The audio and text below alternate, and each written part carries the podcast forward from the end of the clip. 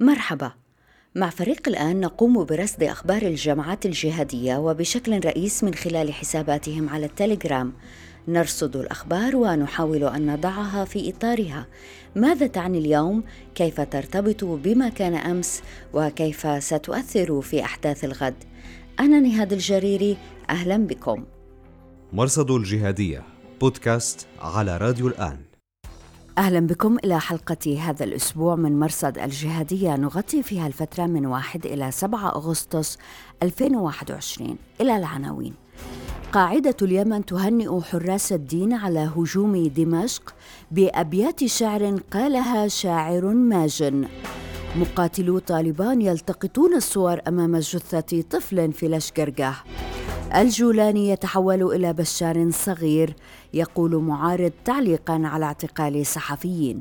وضيف الأسبوع الدكتور مادي إبراهيم كانتي المحاضر في جامعة العلوم القانونية والسياسية في باماكو مالي للدكتور كانتي أبحث في الثقافة والأمن الإفريقي وتعرض للاختطاف لدى الجماعات الإرهابية الجهادية يحدثنا عن تجربته.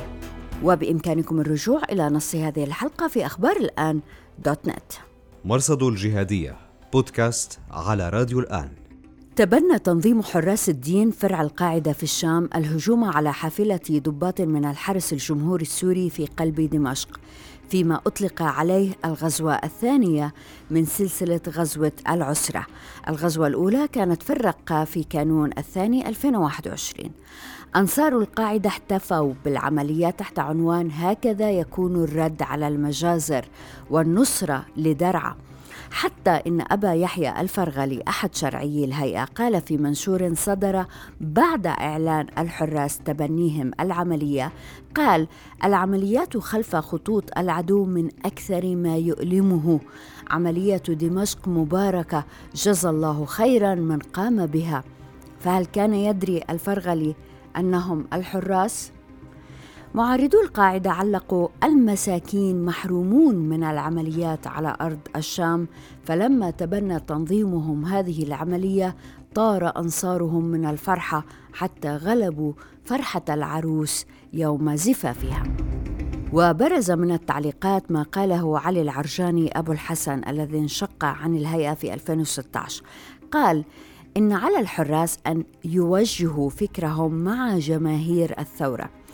العرجاني يعتبر أن الحراس أو القاعدة لا يلتقون مع المعارضة السورية التي قادت الثورة ضد بشار الأسد. وسئل عن مآخذه على الحراس. فكان من إجاباته أن منهج الغلو اخترق صفوف القاعدة وأن على الحراس تحديدا أن يعلنوا عن منهجهم ومفتيهم الذي يتلقون منه ويعرفه الناس ويحاسبون عليه ويحاسب من يخالفه. فلا يصلح أن يكون لكل شخص مفتي ومذهب ما داموا مرتبطين ببيعة مع بعضهم. مرصد الجهادية. فرع القاعدة في اليمن أصدروا بيان تهنئة للحراس الباحثة المتخصصة في شؤون اليمن وخاصة القاعدة في اليمن الدكتورة إليزابيث كندل من جامعة أكسفورد.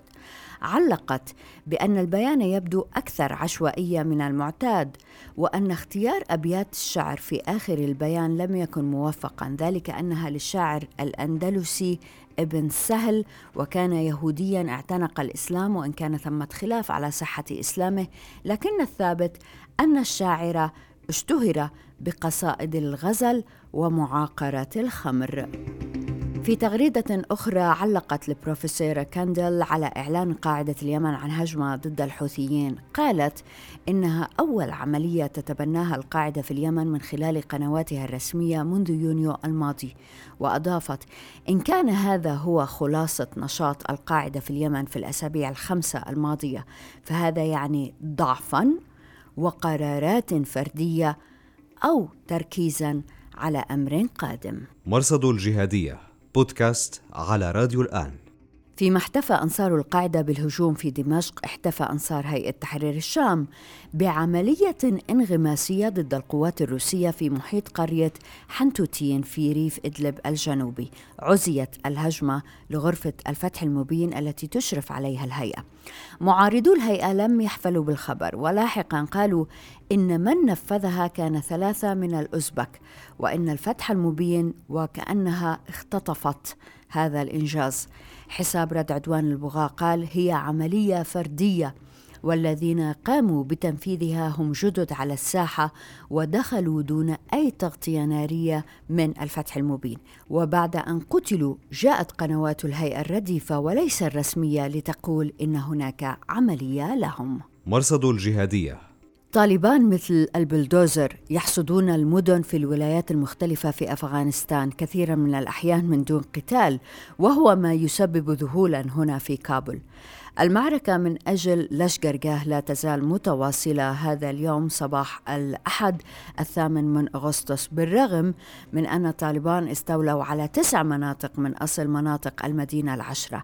لشقرقاه هي عاصمة ولاية هلمند ولها أهمية استراتيجية لأنها تقع على خط يصل بين ولايتي فرا وهيرات غربا بكندهار شرقا وزرنج على الحدود مع إيران.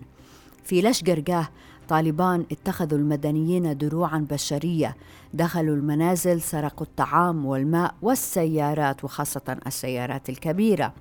ولا يتركون لأهلها ما يساعدهم على مجرد الفرار إلى مكان آمن.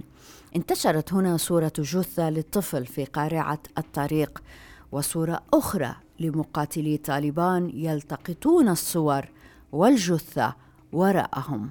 مرصد الجهادية. الخلاف بين منظري الجهادية أبي قتادة الفلسطيني وأبي محمد المقدسي تطور إلى قرار اعتزال التليجرام. أبو قتادة أعلن بقليل من الصخب والضجيج عن إغلاق قناته التي باسمه وقال إنه لم يعد مسؤولا عنها أو عن المسؤولين عنها. القناة اتخذت اسما جديدا هو قبست أما المقدسي فنذكر أنه بكثير من الصخب أعلن عن إغلاق قناته التوحيد أولا العام الماضي بعد أن أصدر فتوى فهمها أنصاره وروجوا هم لها على أنها تكفير للهيئة.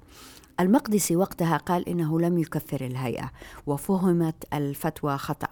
وانتهى الأمر به وأنصاره وقتها إلى أن زعموا أن المقدسي تعرض إلى ضغط من السلطات الأردنية لإغلاق القناة. مرة أخرى الضجة أثارها أنصار المقدسي أنفسهم.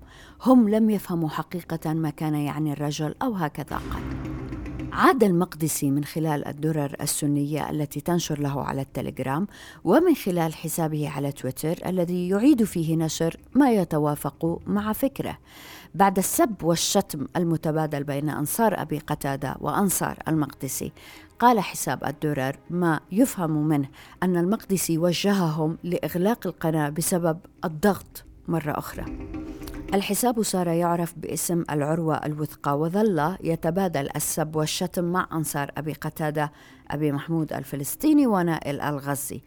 التونسي الذي كتب بيان اعتزال المقدسي اتخذ حسابا منفصلا وظل ينشر في الدرر وفيما استعان أنصار المقدسي بشهادات من السباعي في لندن وطارق عبد الحليم في كندا أخذ أنصار أبي قتادة يفتشون في الأرشيف عن منشورات لعبد الحليم ضد المقدسي وهكذا دواليك لماذا هذا مهم؟ هؤلاء المشايخ وطلبتهم الذين يدعون نصرة الدين وأنهم جاءوا حتى ينقذونا من أنفسنا هم من يصدرون الفتاوى بالقتل والتكفير. فإذا كان هذا سلوكهم وأخلاقهم ومنطقهم فيما بينهم فماذا يرجى منهم مع غيرهم؟ مرصد الجهادية بودكاست على راديو الآن. أسبوع صعب على الناشطين الإعلاميين في إدلب. في أسبوع واحد اعتقلت هيئة تحرير الشام ثلاثة إعلاميين بسبب منشورات تنتقد هيئة الجولاني.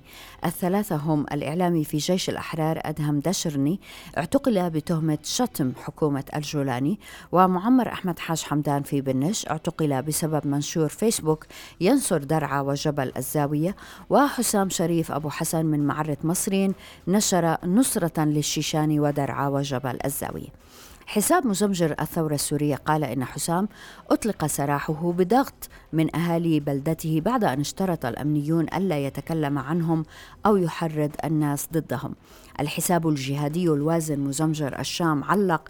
الجولاني يتحول لبشار صغير شيئا فشيئا. أكثر من ألفي معتقل مغيب في سجون الجولاني.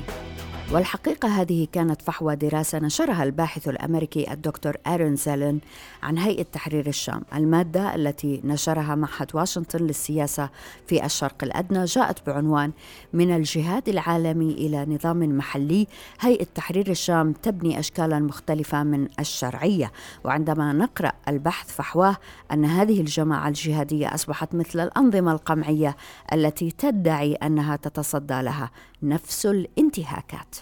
مرصد الجهادية بودكاست على راديو الآن. ونرحب هذا الأسبوع بالدكتور مادي إبراهيم كانتي المحاضر في جامعة العلوم القانونية والسياسية في باماكو مالي للدكتور كانتي أبحاث في الثقافة والأمن الإفريقي وهو خريج جامعة القاهرة. شكرا جزيلا لوجودك معنا دكتور كانتي وكل سنة وأنت سالم بمناسبة العيد. ربنا يخليك وكل سنة وأنت طيبة والمشاهدين الكرام.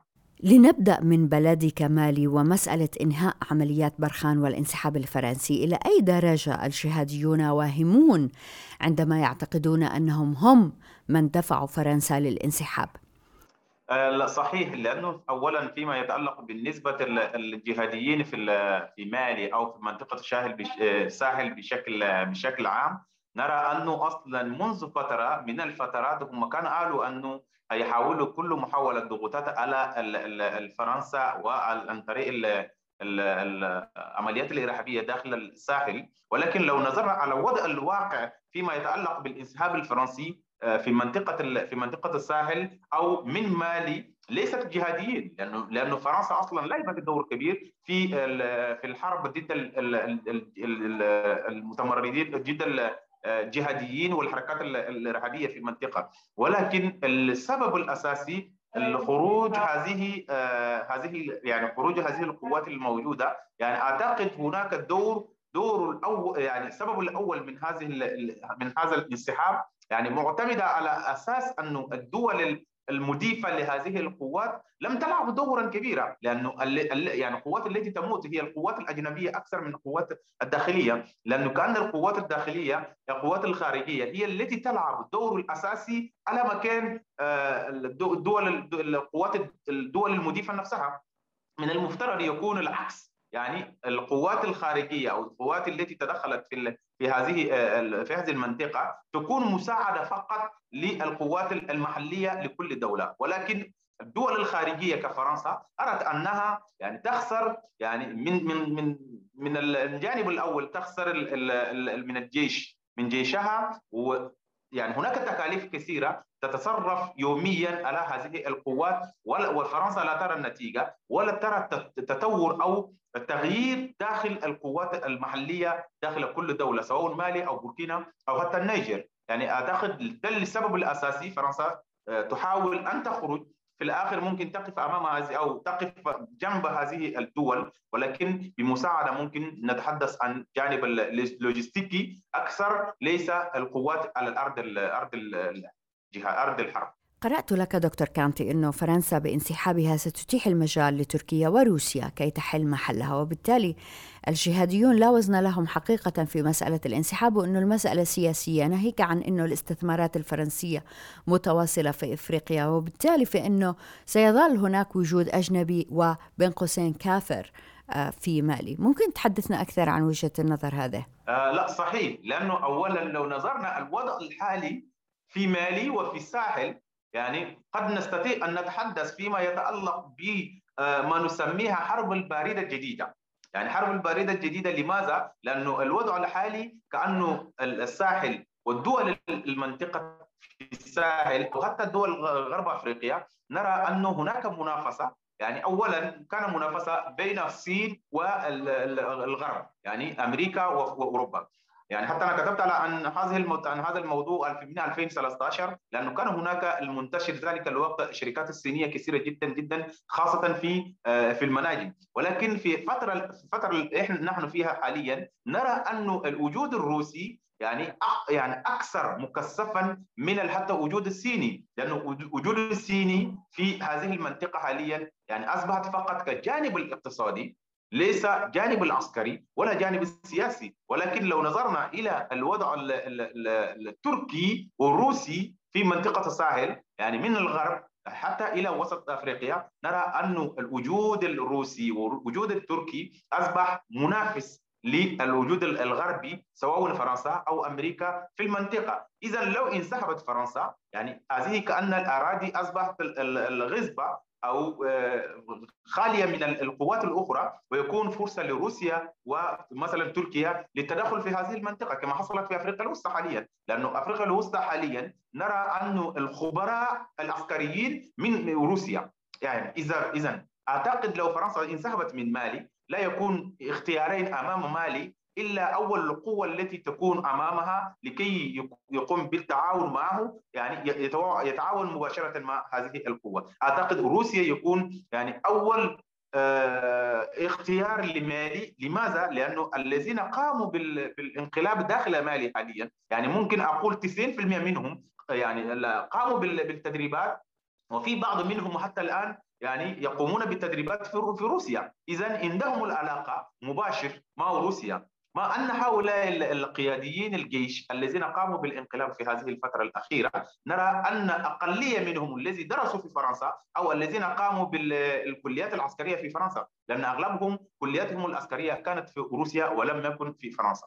دكتور بحسب دراسة أنجزتها حضرتك لحساب مركز المسبار ضمن مشروع كتاب الحركات الإرهابية في إفريقيا كتبت عن البعد الديني في تكوين التنظيمات الإرهابية بالدول الإفريقية وخاصة في بلدك مالي كيف تم استغلال الدين لتكوين هذه الجماعات الإرهابية؟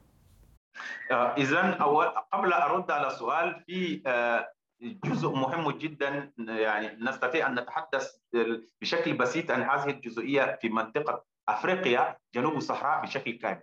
جنوب الصحراء بشكل كامل يعني غالبية المسلمين فيها معجبين بكل ما تأتي بالفكرة خاصة لو هذه الفكرة تأتي من العالم العربي. يعني أو نستطيع نقول من شرق من من شرق الأوسط بشكل كامل.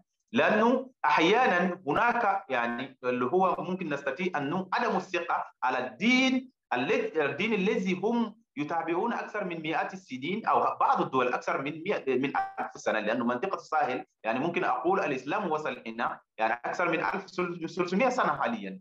اذا هؤلاء لما سمعوا أن هناك شخص جاء من شرق الأوسط أو جاء من أي دوله من دولة من الدول العربية بفكرة معينة يعني مباشرة هذه فكرة يكون آه، مقبولة عند كثير من الناس يقول هذه الفكرة جديدة لأنه هذا هم الذين عندهم الدين أو هم أصل الدين من هذه المنطقة، إذا جاءوا بفكرة يقبلون على طول، لذلك لما أقوم بمقابلات مع الناس المسؤولين أقول لهم حاولوا أن تأتوا بالأفكار الصحيحة عن الدين من من هذه المنطقة، من منطقة الشرق الأوسط، لماذا؟ لأنه أي فكرة تأتي لو أنا تحدثت كانني مالي هنا لأي شخص يقول لا لا لا أنت من مالي يعني كيف تأتي من بفكرة جديدة مختلفة؟ إنما لو جاء هذه يعني لو كنت مثلا من السعوديه أو من أو من العراق أو من سوريا وجئت بفكرة معينة وحاولت أن يشرح هذه الفكرة لا أحتاج أصلا إلى أي جهد إنما قد يكون مقبولا مباشرة عند الناس. أعتقد هذا هو السبب الأساسي في منطقتنا حاليا. لأنه الذين يأتون بهذه الأفكار يعني يحاولون أن يوري لهؤلاء أن هذه الفكرة صحيحة. وهذه الفكرة يعني من المفترض يكون موجودة أصلا في العالم الإسلامي بشكل كامل ولكن غير موجودة في هذا الإسلام. لذلك لو رجعنا إلى تكوين هذه الجماعات موجودة يعني هم يعتمدون أولا بكل شيء في البداية الدين يقول مثلا هذه الجماعة جاءت مثلا بتعزيز الدين وانتشار الدين. هنا مثلا يقومون ببعض الأفكار أنه يعني داخليا في مالي مثلا هناك منافسة بين الإسلام والمسيحية وحتى يأتون بالأمثلة أنه هؤلاء المنصريين الذين يأتون مسيحيين الذين يأتون من أوروبا حتى خاصة من من من فرنسا يقومون ببناء الكنائس المختلفة داخل هذه المنطقة ويورون أنه يعني لازم نرجع إلى الإسلام الصحيح وهم باعتقادهم أن هذه هذا الإسلام الصحيح هو الجهاد.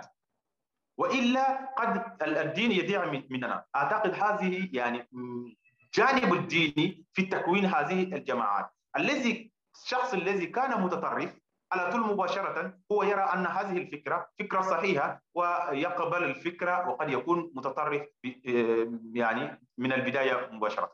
بالحقيقة كلامك مهم جدا دكتور. هذا يظهر قصور المؤسسات الأخرى في الشرق عن التواصل مع هذا الامتداد الإسلامي الإنساني وترك الساحة لهؤلاء الإرهابيين. أيوة لأنه يعني كنت يعني خلال بعض الزيارات سواء في الإمارات أو الدول, الدول الأخرى العربية هذا ما كنت أقوله. هناك منظمات التي عندهم الدين الصحيح وعندهم إمكانية لنشر هذه يعني هذا الدين الصحيح.